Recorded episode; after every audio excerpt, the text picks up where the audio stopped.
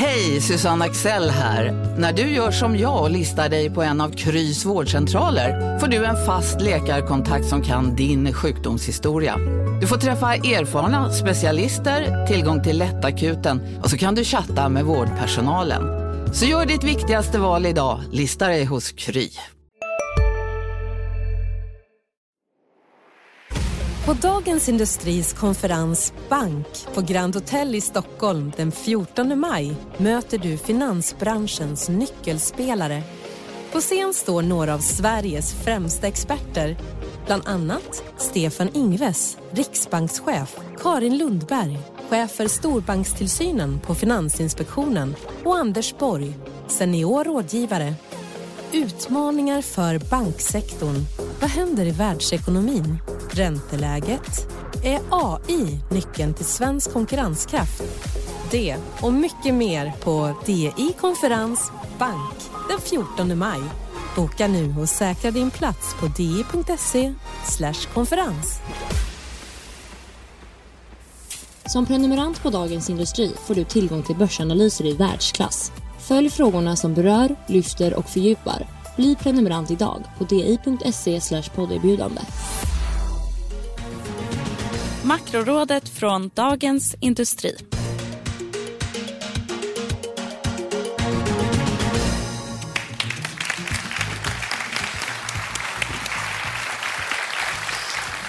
Hej och välkommen till Makrorådet, podden där vi pratar om de stora ekonomiska frågorna. Jag heter Viktor Munkhammar. Med mig idag har jag Annika Winst, chefsekonom på Nordea och Johan Javeus, chefstrateg på SEB. Välkomna hit båda två. Tack så mycket. Tack. Ja, det är lite ett speciellt avsnitt av Makrorådet det här. Vi spelar nämligen in inför publik i vackra lokaler på Historiska museet i Stockholm, men i Kungliga Myntkabinettets regi. Och det är fullsatt. Jättekul att så många är här. Varmt välkomna igen allihopa. Och ni som lyssnar liksom på vanligt sätt, så att säga, om det kommer burop eller applåder eller något liknande så förstår ni varför. Det är den engagerade publiken som, som eh, eh, hänger med. Som vanligt i Makrorådet så blir det två huvudämnen, två spaningar och på slutet veckans viktigaste, det vill säga vad man absolut måste hålla koll på eh, i veckan som kommer. Då tror jag vi har fått med all formalia och kör igång. Det är en eh, redigt stort ämne får man säga som vi ska börja med, nämligen i vilken region nästa recession eh, slår till. Och som om det inte vore nog så vill jag också veta när och varför. eh, jag är ledsen för det, men så, så ser det ut. Eh, Annika, kan du svaret på oh, de här frågorna? Tack, vad fint.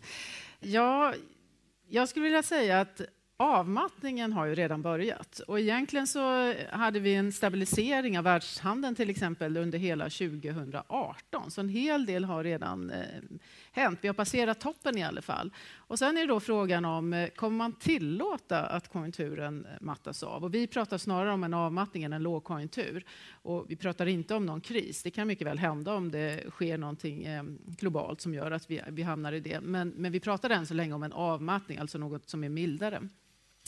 Och då är frågan, kommer man tillåta det? Och vem är då man? Ja, det är ju centralbankerna. Och vi har redan sett att man känner sig lite obehaglig vid att eh, konjunkturen gungar, börsen gungade vid årsskiftet. Och jag tror därför att det kanske snarare stannar i en avmattning än att det blir en recession. Och om jag då ska säga var vi landar någonstans i, eh, i var det är sämst, så skulle jag säga att det viktigaste att hålla koll på det är Kina och USA. Eh, det är ändå de två länderna som, som driver världen. Och båda de länderna tycker jag skickar signaler om att man är beredd att mm, kanske stimulera i Kina om det behövs. Eh, och USA kommer inte strama åt riktigt lika mycket som man har sagt eh, tidigare. Men det som man är lite mer bekymrad över det är Europa och där är ju många frågetecken. Tysk ekonomi går svagt, eh, industrin går svagt, vi är oroliga för Italien, Brexit och så vidare som gör att eh, det är nog Europa som ser svagast ut som jag ser det. Mm. Men bara svagast då, egentligen recession då, som ju en vanlig definition på det brukar ju vara att ekonomin krymper två kvartal på raken. Där är svaret på frågan var ingenstans då egentligen? Nej, och jag tycker det beror lite på hur man ser det. Nu tänker jag att ni som sitter i publiken, ni sitter inte och tittar på två kvartal i rad och så är det recession. Alltså som vanliga människor så brukar man ju fundera över att det ska kännas att det är sämre. En recession betyder ju att det är lågkonjunktur, att man förlorar jobb och att folk blir arbetslösa och så vidare. Det här två kvartal med negativ tillväxt, det, det är ju väldigt tekniskt. Så att, eh, Ja. Det beror lite på vem man är när, Ja. man, när man pratar om det här. Johan, hur tänker du kring det här? Ja, jag tänker så här. Det finns ett land som eh, vi ekonomer alltid är väldigt intresserade av och det är USA. Och det finns egentligen två skäl till det. Det ena är att det är världens största ekonomi fortfarande, även om Kina nafsar i hasorna där. Men det andra skälet, och det är intressant i det här sammanhanget, då, det är att USA historiskt sett brukar vara den här ledande ekonomin. Så man är först in i en recession, en lågkonjunktur och sen är man också först ur den här när det vänder uppåt igen. Och det gör att vill man titta runt hörnet och, och fundera över vad ska hända här i Europa och i Sverige, då ska man ha koll på USA. Och blir det recession i USA eller inte? Jag tror inte det finns någon prognosmakare som har det i sina prognoser, negativ tillväxt. Men risken finns där naturligtvis. Och eh, jag tycker det finns inget bättre, ingen bättre indikator på det här än att titta på den här avkastningskurvan. För er som inte har hört talas om vad en avkastningskurva är, eller lutningen på en avkastningskurva, så handlar det helt enkelt om skillnaden mellan tioåriga räntor och tvååriga räntor, eller tioåriga räntor och tremånadersräntan, alltså långa och korta räntor. Och normalt sett, det vet ni alla, har ni bolån så är det dyrare att låna pengar på tio år, så det brukar vara högre räntor på lång sikt än på kort sikt. Men ibland så ändras det där så att det blir faktiskt så att långa räntor blir lägre än korta räntor. Och det har hittills funkat alldeles utmärkt som en recessionsindikator. När det händer, då vet vi nästan säkert att det kommer en recession framöver. Och, det här hände för tio Det dagar hände sedan. ju förra, Ja. förra veckan, eller alldeles nyligen. ja. När det då gäller ett av de här mått. Man kan titta på lite olika mått. Då, men, men det hände och, och för mig så är det ändå en, en rätt så oroväckande signal. Sen är det ju så att du ställer ju frågan inte bara om utan också när. Och varför? Och varför? Precis, men vi börjar med när. ja, då. det räcker med en av dem kanske. Ja, tittar man historiskt på det här va, så har det tagit i snitt 16 månader från det att vi får recessionssignalen från avkastningskurvan till att recessionen faktiskt börjar.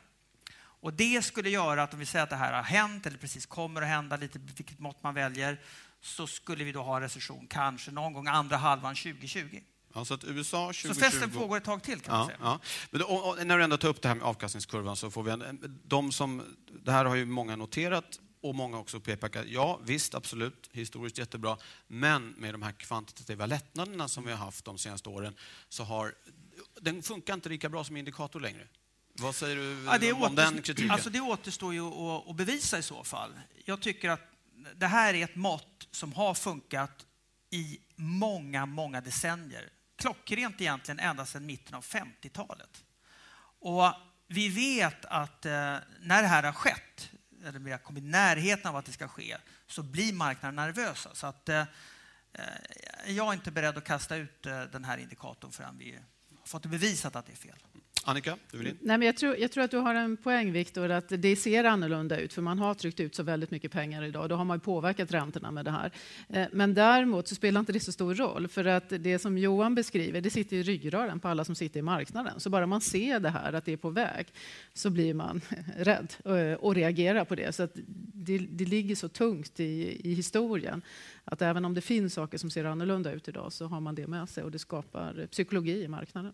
Mm. Okej, och med USA då, om det nu blir så som du misstänker, eh, som den ledande ekonomin i världen skulle då kunna dra med sig resten av världen i ett senare skede? Det det Ja, ska... det, det brukar ju se ut på det sättet i alla fall. Nu har ju Europa problem också som Annika nämnt här innan. Och vi ser väl kanske de problemen som lite mer av engångshändelser. Eller bilindustrin till exempel, en jätteviktig industri i Europa, har massa problem just nu som kanske inte i första hand är konjunkturella utan snarare omställningsproblem och, och den typen av, av utmaningar. Men eh, jag skulle säga så här att eh, om man ska fundera på marknader och recession så under de perioder när vi har recession, när ekonomin faktiskt krymper, och då pratar vi återigen USA, det är verkligen en period då man inte ska ha aktier, för aktier brukar alltid gå ner under den typen av perioder. Men däremot så under perioden innan, alltså till exempel 2019 nu om vi säger att recessionen först kommer nästa år, så kan aktier fortsätta gå rätt så bra. Och det beror just på att investerare är mer glada åt att det blir inga räntehöjningar eller kanske till och med att man kan börja räkna in räntesänkningar än man då är oroliga för att vinsterna ska drabbas av att tillväxten kommer gå ner framöver. Nu ledde ju du oss över på ett fantastiskt sätt på nästa ämne, nämligen det som Annika var inne på lite i början, centralbankerna. Det har ju skett en väldig omsvängning. Om man tittar på terminspriserna, hur folk handlar på vad centralbankerna ska göra, så var det så att bara så sent som i Lucia så var det tror jag, uppåt 80 procent att Federal Reserve, den amerikanska centralbanken, skulle höja räntan i år. Eh, nu är det närmare... Ett antal gånger. Ja, ja, och nu är det uppåt 70 att det till och med att det ska bli en sänkning. Eller nu kanske det har sjunkit lite den sannolikheten. Mm. Men det har varit ett snabbt och stort omtag vad gäller synen på inte minst Federal Reserve. Och eh, detsamma gäller ju även ECB som ju faktiskt inte ens har hunnit börja höja. Mm. Riksbanken har höjt en gång. Eh, Annika, eh, är det så att det är färdighöjt nu i stora drag? Eller? Ja, men alldeles uppenbart är det ju så att centralbankerna blev bekymrade. Eh, dels av börskorrigeringen som kom i början av, eller slutet av förra året och eh, som vi nu har hämtat tillbaks eh, till viss del på grund av att centralbankerna har sagt det de har sagt den senaste tiden. Men de var också oroliga över konjunkturen och svagare konjunktursiffror. Och det som har varit väldigt trevligt de senaste åren det är ju att hela världen har gått i takt åt rätt håll och åt rätt håll, det vill säga tillväxt. Man har stimulerat väldigt mycket, låga räntor och pengar ut i systemet. Så, och då har man haft en fantastisk utveckling om konjunkturen så här. Och det är ju trevligt när alla går på det hållet. Men tyvärr är det ju så då att det är en risk att alla når toppen ungefär samtidigt och att takten blir åt det här hållet då, eh, när det vänder. Och, och, det är klart att eh, centralbanker är också medvetna om att världen är global och öppen och eh, konsekvenserna kan bli ganska tuffa om om man går in i den här vändningen. Och man ville tydligen inte se mer än, än det man har sett. Och på kort sikt så skulle jag säga att ja, men det är ett väldigt lugnande besked till räntekänsliga svenska hushåll. För konjunkturellt på kort sikt eh, så är det positivt. På lite längre sikt känner jag mig lite mer bekymrad. Och, eh, ja, det finns risker i det här i bemärkelsen att om den här lilla börskorrektionen som vi hade då vid årsskiftet och den här lilla konjunkturavmattningen som vi hittills har sett är tillräckligt för att centralbankerna ska känna att nej, men då vågar vi inte höja räntorna mer. När ska man då komma bort från eh, nollan eller minusräntor som vi har idag? Och När ska man då kunna plocka tillbaka en del av de där pengarna som man har stimulerat med? Det känns ju som det ligger väldigt långt eh, borta och jag tror inte man ska plocka tillbaka allt det där, men det hade väl varit trevligt om man hade varit över nollan åtminstone när man går in i nästa avmattning och, och nästa lågkonjunktur. Och där är vi ju inte riktigt då, så att på lång sikt är det en risk. På kort sikt så är det ju bekvämt. Ja. Federal Reserve, amerikanska centralbanken, är ju faktiskt där. De är ju uppe på 2,50 med sin styrränta. Hör du till de som tror att det kan bli en sänkning till och med i år, eller är det oförändrat året ut som gäller? Nej, min bedömning är en, en sänkning. Jag ska komma tillbaka till det i min spaning så Aha, små, småningom, okay. men ja, det här är en cliffhanger. Aha, aha. Eh, men, men däremot är det en viktig poäng du säger. Fed har ju höjt räntan. De har ju faktiskt skött sig ganska mycket som skolboken. Det vill säga att eh, när det går bättre så börjar man höja räntan eh, och sen kan man då stanna och avvakta på en positiv nivå. Mm. Medan både ECB, den europeiska centralbanken och Sveriges riksbank inte har kommit särskilt långt.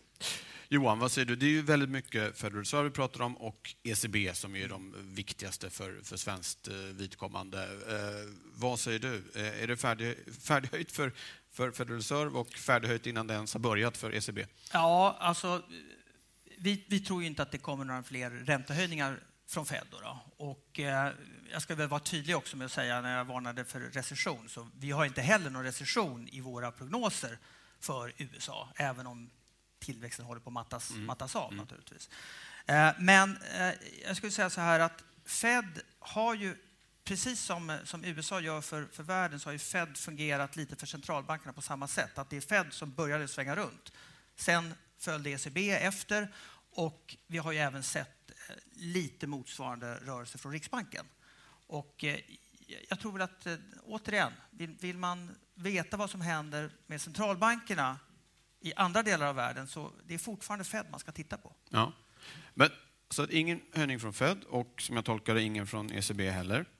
Nej, inte, inte, ja, det, det, är i så fall någon, någon gång nästa år som det kan ja, komma en, ja. en, en, höjning. Då. Hur ska det här då bli för Riksbanken, Annika, som ju faktiskt tydligt säger att de vill jättegärna kunna höja räntan i höst om de här två stora, tunga pjäserna kanske kanske går åt andra hållet, men åtminstone mm. inte, inte höjer mer. Kommer det gå? Jobbigt, väldigt jobbigt. Ja. Eh, de har dessutom statistik mot sig. De har fått inflation som har kommit in på betydligt lägre nivåer både januari och februari var väldigt mycket lägre än vad Riksbanken hade tänkt sig och det finns en risk att det där fortsätter och också att inflationen blir lägre framöver i år så att det blir väldigt svårt för dem att höja då. Och eh, det är ju alldeles uppenbart att vi har en global konjunkturavmattning eftersom både Fed och ECB har agerat som de har gjort. Och eh, man ser det också i kinesiska eh, siffror, även om det studsade tillbaka lite nu de senaste. Och i den miljön så är det ju eh, ganska märkligt att tro att Sverige ska vara oberörd, en liten öppen ekonomi. Så jag menar, det är ju klart att om omvärlden bromsar, då kommer det påverka oss. Och i den miljön då, när man har inflationen emot sig, en svagare konjunktur både globalt och i Sverige och andra centralbanker säger att det är så riskfullt så att de vågar inte höja. Då ska man vara ganska kaxig om man höjer från Riksbankens sida. Johan? Vad tänker du? Jag, jag, jag håller med. Det är ju, alltså, bilden för Riksbanken det är ju att man gärna, som du säger, vill komma bort från, från minusräntan och kanske gärna från nollräntan också. Men det är ju uppförsbacke. När man inte har andra centralbanker som går i bräschen och, och, och höjer själva och du dessutom har inflation som är besvärande låg fortfarande, då, då blir det jobbigt. Så ja. att, eh, vi tror att Riksbanken kommer att justera upp räntan eh, lite till nästa år. Men risken finns ju på nedsidan, absolut. Annika? Jag brukar säga att när Riksbanken höjde räntan i december, eh, den enda räntehöjning som det eventuellt blir nu då, eh, då använder man ju argument och hänvisade till att man har kommit närmare inflationsmålet och att tillväxten var stark och så vidare. Men jag tror att det hade varit mycket bättre pedagogiskt om man hade sagt att eh, vi höjer inflationen för vi vill komma bort från minusränta. Och det är inte på grund av konjunkturen och det är inte på grund av inflationen och det tror jag att marknaden hade kunnat hantera. Man ligger fel i det här läget. Det är väl det alla tänker att de Ja, men då är det bättre att man säger det. Ja, men ja. då är det bättre att man ja. säger det, för då är det lite lättare för marknaden att hantera framåt. Nu blir man osäker. Eh, vad menar de egentligen? Menar de att det är så starkt så att de, det var rätt att höja, eller menar de att de är så svagt framåt att det blir inte mer? Ja. Det är viktigt att vara tydlig som, som centralbank. Om vi ska samla upp den här diskussionen bara, om vi tar eh, Federal Reserve, ECB och Riksbanken och bara tittar på innevarande år. Eh, vad blir det från respektive centralbank? Du får börja Annika. Inget. Inget? Johan? Trist i marknaden. Ehm, jag tror inte att det blir någonting från USA, kanske lite från ECB och kanske... Redan i år? Nej, inte i år. Inte ah, ingenting, i år. Ingenting i år, nej. nej. Mm. nej. Och Riksbanken? Ingenting i år. Nej, okej. Okay. Men nästa år, då? Kanske. Händer. Vi är specialister på det vi gör, precis som du. Därför försäkrar vi på Swedea bara småföretag, som ditt. För oss är små företag alltid större än stora och vår företagsförsäkring anpassar sig helt efter firmans förutsättningar. Gå in på swedea.se företag och jämför själv. Hej, Synoptik här. Hos oss får du hjälp med att ta hand om din ögonhälsa. Med vår synundersökning kan vi upptäcka både synförändringar och tecken på vanliga ögonsjukdomar. Boka tid på synoptik.se när det kanske kommer en recession i USA. Då. Ja, vi får se. Ja, vi får se. Ja, vi får se. Så är det alltid. Det här med prognoser är ju jättesvårt, särskilt om, om framtiden. Brukar väl ni ekonomer säga, va? Bra. Eh, då går vi vidare till min eh, favoritdel i programmet, nämligen spaningen, där ni har grubblat lite på, på kammaren och försökt fånga upp någonting som eh, liksom kanske inte pratas om dagligdags. Annika, du har varit i Texas. Mm och ridit på South Fork. Mm, det var bra. Ja, men det är inte det du ska spana om, eller? Nej, nej. Men det var bra. Det var bra, okej. Okay. Ja. Ja. Eh, alla kommer väl ihåg Dallas, i alla fall alla i vår generation. Ja, alltså du får gärna prata lite om Nej, det jag också. Jag det... tänker inte prata om Nej, det alls. Okay. Eh, men däremot så har jag varit på studieresa i eh, USA nyligen och det är faktiskt nästan alltid så att när man åker till USA på studieresa så kommer man tillbaks lite mer optimistisk än när man åkte amerikanerna kan lösa det mesta. Och just nu är det Fed som ska lösa det här. Eh, och jag var eh, dessutom i Texas. Och Texas är en region som går väldigt bra just nu. Det är ju stor skillnad mellan delstaterna och det är viktigt att komma ihåg. För när Johan och, och jag och andra sådana som oss sitter och tittar på USA så tittar man ju ofta på hela landet. Men det är extrema skillnader mellan de olika regionerna. Och Texas är en del där allt går väldigt bra nu, för man har jättelåga skatter på inkomster. Man har jättelåga skatter på företag. Det finns gott om jobb. Husen är billiga, det vill säga individer, kompetenta individer, välutbildade människor, företag, huvudkontor flyttar dit. För det är som de säger easy life att vara där. Väldigt lätt att leva. Låga levnadskostnader och lätt att göra affärer. Och därför går det som tåget. Och de var ju väldigt nöjda med att Fed hade avvaktat. Eh, de är medvetna om att man har en konjunkturavmattning globalt, men det är inget som kommer att drabba Texas. Och jag tror faktiskt att de har ganska bra eh, motståndskraft till det där. Och det är dessutom så att i många av delstaterna har det nu blivit så dyrt, som om man tar Kalifornien till exempel. Marken är dyr, eh, det är dyrt att bo där, det är dyrt att leva där. Oavsett om man är företagare, entreprenör eller privatperson. Och då flyttar man till de här andra regionerna. Jag tror inte Kalifornien och New York kommer gå under, eh, för det finns så mycket folk där ändå. Eh, men det kan få andra delstater att, att blomma upp. Och budskapet därifrån det var väldigt tydligt. att det går bra och en, en ränta på de här nivåerna, det kan man hantera. Och ett oljepris som har eh, bättrat på sig också. Ett oljepris som har bättrat på sig. Jag åkte delvis till Texas för att de har ju varit väldigt tunga på energi. Men de har diversifierat sin portfölj, inte minst Dallas. Houston har lite mer energi. Men det är betydligt mindre och det är också en viktigt skäl till att det går bra. De är inte lika beroende av en, en uh, sektor. Och det som jag också tyckte var intressant är lite fokuset på hållbarhet som vi pratar väldigt mycket om här och det har ju stor betydelse i energisektorn. Och det är man inte lika fokuserad på där borta. Däremot så gör man ju en hel del grejer eh, som är bra för klimatet men man gör det på grund av att man ser en affär eller en möjlighet. Man snackar inte så mycket om det eh, som vi gör här i Europa och Sverige. Ja, Okej, okay. så glada så, nyheter Ja, tog du med eh, glada nyheter. och jag var Texas. dessutom i Washington och där var det också helt okej. Okay. Man är långsiktig för det strukturella, alltså underliggande. Man behöver göra reformer för att USA ska fungera bättre om fem och tio år och så vidare. Men däremot i grunden var man ganska optimistisk där också, tycker jag. Ja, jag måste bara fråga, det här, är det någon oro för eh, statsbudgeten? Alltså, mitt i brinnande högkonjunktur brassade USA på med ett budgetunderskott på 3-4 procent förra året och statsskulden eh, Eh, över 100 procent av BNP. Är det någon som mm. pratar om det? Eller I, Washington, I Washington finns det ju några som, som gör det och som är bekymrade. Ja. Men det är ju som jag sa, det är de här lite längre frågorna. Det, ja. det, kommer ju akut eh, varje år att man ska uppdatera det där. Men, men det är också en längre strukturell fråga. Hur, hur ska man se ut som, som land? Och man kommer ju ofta tillbaka till att en dollar är en dollar. Och, de har ett lite bättre läge eh, att ha de här underskotten när man har en världsvaluta. Ja, det är enklare då om man är hela världens reservvaluta. Mm. Ja. ja. just det. Lättare än för Grekland exempelvis. Ja. Bra! Johan, har du någon reflektion på Annikas eh, spaning innan du tar ja, vid? Inte mycket, mycket mer än att jag håller med om det, det mesta. Vi kan inte så mycket om Texas, ska jag villigt erkänna. Men, men det här med att man inte oroas för statsskulden, det är ju absolut på det sättet. Jag tror inte att man kommer att börja göra det heller från politiskt håll förrän det är en fråga för amerikanska väljare och det är det inte idag. Nej, okay. Eh, du har spaning som också rör skulder, men inte alls statsskulder utan andra skulder. Nej, har, min spaning handlar då mer om, om våra skulder och ja. hushållens skulder i Sverige som eh, i princip varje vecka hör eh, olika personer, Riksbanken, Finansinspektionen, IMF, OECD, oroar sig för att vi har så hög skuldsättning. Och jag, jag kan tycka att det, det är kanske dags att ifrågasätta det här lite grann.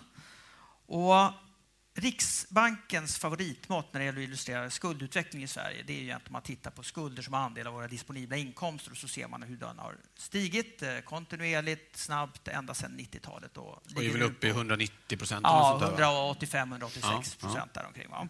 Och det här ser man nu som en, en, en, allt större tickande bomb, så att säga. Men jag tycker att eh, man glömmer lite i den här analysen. Och ju mer man tittar tittar på hushållens situation i Sverige när det gäller ekonomin, så desto mindre orolig blir man. Om man börjar med att titta på, på den här aggregerade bilden, man klumpar ihop alla hushåll som ett och ser, jag roar mig med att titta lite på det. Och, och, och tittar man på belåningsgraden, alltså hur mycket lån, bostadslån har vi i förhållande till värdet på våra hus, våra samlade hus, den ligger på 35 procent ungefär. Va? Och då ska man komma ihåg att Finansinspektionen har en gräns att du får låna upp till 85 procent av värdet på din bostad om du är ett enskilt hushåll. Men som kollektiv ligger vi långt, långt under det här. Likaså om man, om man tittar på skuldsättning i förhållande till våra inkomster. Idag så finns ett direktiv från Finansinspektionen som säger att vi får låna 4,5 gånger vår bruttoinkomst. Det anses vara okej. Okay. Tittar man på aggregatet av hushållen idag så ligger be, belåningsgraden på på eh, jag tror en och en halv gång. Va? Så att långt, långt under de här gränserna. Sen är det många som säger då att okej, okay, men vi kan ju inte titta på, på aggregatet. Det finns ju många som inte har några lån alls och andra som har, har väldigt mycket lån. Då. Men, men även om man tittar på de som har lån så över hälften av hushållen i Sverige har inga bostadslån alls. Och sen finns det en liten grupp, lite drygt 4 procent, som då 2017 ska jag säga, hade lån som var över 3 miljoner. Och sen finns det allt där, däremellan. Då, då. Men, men även när man tittar på den fördelningen så ser man att det, det är väldigt, väldigt ojämnt fördelat. Vissa har mycket skulder, vissa har väldigt lite skulder eller inga alls. Och då kan man fråga sig, vilka är det då som har lånat mest pengar? Vi har ju naturligtvis ett stort problem om det skulle visa sig att det är de med, med låga inkomster och dåliga säkerheter som har de största lånen. Men när man tittar på det här så ser man att det är precis tvärtom. Om man fördelar alla svenska hushåll efter inkomst så ser man att det är den tiondel av hushållen som har högst inkomster, de har drygt 20 procent av alla bolån. Och det är lika mycket bolån som de 40 procent med lägst inkomster har tillsammans. Och I någon mening så visar det här också att det är rätt hushåll utifrån ett kreditperspektiv som har lånat mycket pengar. Så att jag tycker att eh, vi behöver en mer nyanserad debatt kring skulder och hushållens eh, och storleken på hushållens skulder mm. än vad vi har Så då menar du att eh, om nu räntorna skulle stiga och de här lånen blir jobbigare att ha så ligger de rätt mycket hos rätt personer som har en kapacitet att hantera de här ökade räntekostnaderna utan att exempelvis totalt dra ner på sin konsumtion som är oron för Riksbanken exempelvis, att det ska kunna bli en recession av det här. Absolut. Om man börjar med kreditperspektivet så där tycker jag att det, det, finns väldigt lite anledning att vara orolig. Och när man då sen pratar om de här makroeffekterna, att vi, får, vi skulle få minskad konsumtion som sen skapar en lågkonjunktur i Sverige på, på grund av, av att vi köper inte lika mycket. De riskerna känns också som att de är lite överdrivna. Ja. Annika, mm. är det, tycker du, delar du det att det är en överdriven oro för eh, hushållens eh, skuldsättning? Nej, Bra, inte. jättebra. Eh, och, eh, det är ju lite som att titta på USAs siffror när delstaterna är väldigt olika. Aggregatet, precis som du sa Johan, är eh, ingen bra bild. Och, riskerna finns i storstäderna och universitetsstäderna. Och det är också där man har byggt väldigt mycket och jag tror man har ett överutbud där nu. Det vill säga att när man sätter igång ett projekt och sen så kom avmattningen och, och då hann man inte bromsa allting utan man bygger ju färdigt det man påbörjat. Så jag tror vi har i alla fall ett halvår till där det kommer ut ett större utbud. Och det påverkar då eh, prisbilden. Det som gör att jag tror att det finns lite bättre förutsättningar nu, det är ju att eh, det vi pratade om innan. Riksbanken kommer inte kunna höja räntan så mycket. Innan var ju signalen att Riksbanken skulle höja räntan och sen hörde vi också politikerna som började prata om flera eh, regelförändringar. Bolund har varit ute, eh, bostadsministern, och pratat om att man ska börja trappa ner ränteavdragen. Och det är ganska lite pengar, men signalen, psykologin i huvudet på folk, och man hör både räntehöjningar, man hör att det är problem på bostadsmarknaden, kommer ett utbud eh, och, och, andra sådana förändringar, gör att det skapar en psykologi som gör att eh, det ändå finns risker. Och jag, min bedömning är att hushållen i eh, i framförallt eh, Stockholm är väldigt räntekänsliga för att eh, det finns grupper där som har stora, stora lån och där det blir en stor påverkan om, om man får högre ränta. Nu tror jag däremot inte att räntorna kommer komma upp. Och jag brukar säga det när jag håller föredrag att för oavsett om man är politiker eller om man sitter på Finansinspektionen eh, eller om man är i Riksbanken, vänligen sitt still i båten. Just nu är det lite osäkert läge. Vi vet inte hur svag konjunkturen blir. Vi vet inte hur mycket det gungar på bostadsmarknaden. Det är skört och då är det dumt att höja räntan eller ändra ränteavdrag bidrag eller något liknande i den miljön. Om man har väntat så länge som vi har gjort, det har funnits chans under flera år att både höja räntan och införa regelförändringar, då är det dumt att göra det just nu när det är osäkert. Ja, okay. Så du tror även om det här som Johan beskriver, att det är de, de, som har de riktigt stora lånen är också de som har betalningskapaciteten, att det kan ändå få makroeffekter? Alltså historiskt, om man tittar på olika länder och eh, olika bostadskrascher, så är det nästan alltid så att ungefär tio kvartal innan man når toppen eh, på bostadspriserna så är det en väldigt brant uppgång. Sen har man ett antal kvartal där man ligger eh, flatt. Och där är vi nu. Och sen är tyvärr historien så att tappet är 20 procent. Och att bara vifta bort det där och inte reflektera över det, det, det är dumt och onödigt. Utan det skulle det då komma samtidigt som Johans USA-recession där andra halvan av 2020 ja, det, kommer? Det hänger, ja, ja. Det hänger ofta ihop saker och ting. Men jag, vi har ingen bostadsbubbla som spricker i vår prognos. Däremot så tycker jag att det är onödigt att utmana det läget. Man har sett det historiskt och i andra länder att man börjar rycka någonstans och så är det saker som går överstyr och det är onödigt. Ja. Men om man tittar, om jag bara får ja, en, en kort eh, replik på det detta. Får du. Så om, om man tittar på Norden, egentligen alla nordiska länder har rätt så höga skulder. Danmark är det land som har högst hushållsskulder i hela världen i stort sett.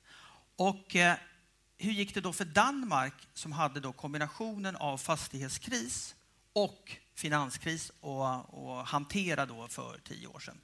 Hade de en mycket sämre utveckling än Sverige? Nej. Vi hade i princip samma nedgång i vår BNP från, från 2008 eh, till botten i Danmark och Sverige.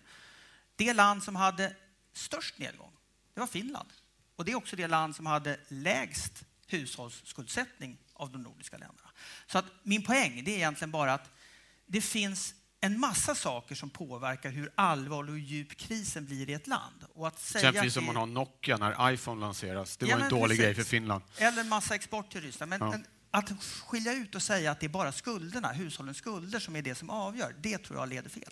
Ja, men det tror jag du har en poäng i. Och det händer ju, det är ju ofta saker utifrån. Alltså är vi känsliga, vilket vi är nu, och vi har drivit upp skulderna till de här nivåerna, så kan det hända saker globalt som gör att det påverkar oss och vi hamnar i en situation. Däremot håller jag inte med om Danmark. Danmark, det tog tio år för dem att komma tillbaka i stort sett de, de fick ju en effekt både på BNP, på sysselsättning och konsumtion. Som, men vi får byta lite grafer du och jag. Ja, och sen får vi inte glömma heller att vi hade hjälp av vår svaga krona även den gången. Just det. Danmark Krock, inte hade. Krockkudden, ja. Bra, hörni, eh, det låter som vi borde prata mer om det här, men eh, nu ska vi eh, gå in på den sista delen i programmet, nämligen veckans viktigaste, vad man absolut inte får missa här den allra närmaste tiden. Annika, vad kommer du verkligen hålla ögonen på? Ja, med tanke på att Johan sa, och jag själv var inne på att USA är det absolut viktigaste landet konjunkturmässigt, så kommer det ju någon form payroll, alltså arbetsmarknadssiffror, på fredag. Eh, och de är väldigt viktiga. Och den senaste utfallet vi fick det var en stor besvikelse, väldigt svagt. Men om man lägger ihop de två senaste så är det hyfsat okej okay nivå. Men den siffran är väldigt viktig. Det är en indikator på hur bra det går och man får också eh, löner och arbetslöshet. Och löner är ju det som har gjort att Fed har höjt räntan. Alltså när löner börjar stiga så misstänker man att man ska få inflation och så har de då höjt räntan. Och det är därför är det också intressant att se hur de här hänger ihop. Och det är ju en signal då till amerikanska centralbanken. Ska de sitta, fortsätta att vara i paus eller är det så att de ska komma tillbaka och höja eller kan man sänka räntan? Så de här siffrorna är viktiga. Amerikanska jobbstatistiken fredag 14.30. Yes. Johan, vad är veckans viktigaste för din del? Ja, det är det som har varit eh, det viktigaste under några veckor nu får jag säga. Och det är Brexit naturligtvis. Och, ja. och, eh, det händer ju saker nu. Det börjar, börjar Ingen vet riktigt vad, men det börjar som det verkar som att det kommer lite öppningar då från Mays sida till, mot Labour och så får vi se lite vad det här kommer resultera i. Men vi går ju definitivt in på upploppet här nu. Och, eh, ja, vi är ju redan på övertid kan man ja, säga. De skulle övertid, redan varit ute. Ja. Och eh, förlängningen är ju sagd då att den ska ta slut då, 12 den 12 april, april nästa, nästa vecka. Och, eh, vi får väl se. Men eh, alla nyheter kring Brexit och eventuella öppningar där, det är ju högintressant. Bra. Johan, Annika, stort tack för att ni var med. Tack till publiken här inne. Tack eh, du som lyssnar på vanligt sätt, så att säga. Nu tar eh, Makrorådet en eh, liten eh, paus för påskfirande, men vi är tillbaka igen den 2 maj. Och den som är poddsugen och vill höra saker från Dagens Industri har ett digert utbud. Man kan lyssna på Digitalpodden, man kan lyssna på Analyspodden, Förnuft och känsla och ett antal poddar till som jag inte riktigt kommer ihåg just nu. Och med de förvirrade orden eh, så slutar vi för idag och så hörs vi den 2 maj. Hej så länge! Tack.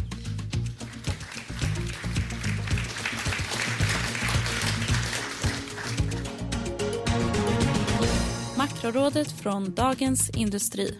Podden klipps av Umami Produktion. Ansvarig utgivare Peter Fällman. På Dagens Industris konferens Retail på Sheraton i Stockholm den 11 april får du ta del av erfarenheter och tips från experter inom detaljhandeln. Lyssna till hur bland annat H&M Group, IKEA, Elgiganten, Clas Olsson och Coop möter framtidens kund i en digitaliserad värld. Var med och diskutera ämnen som nudging som konkurrensfördel, nyttan av att skapa valsituationer som knuffar kunden i rätt riktning Framtidens retail. Vad krävs för att vara förstahandsvalet för morgondagens kunder? Digital first. Så skapar du succé i varje kanal genom en homogen kundupplevelse. Välkommen till DI Konferens Retail den 11 april. Boka nu och säkra din plats på di.se konferens. Som prenumerant på Dagens Industri får du tillgång till börsanalyser i världsklass. Följ frågorna som berör, lyfter och fördjupar. Bli prenumerant idag på di.se podderbjudande.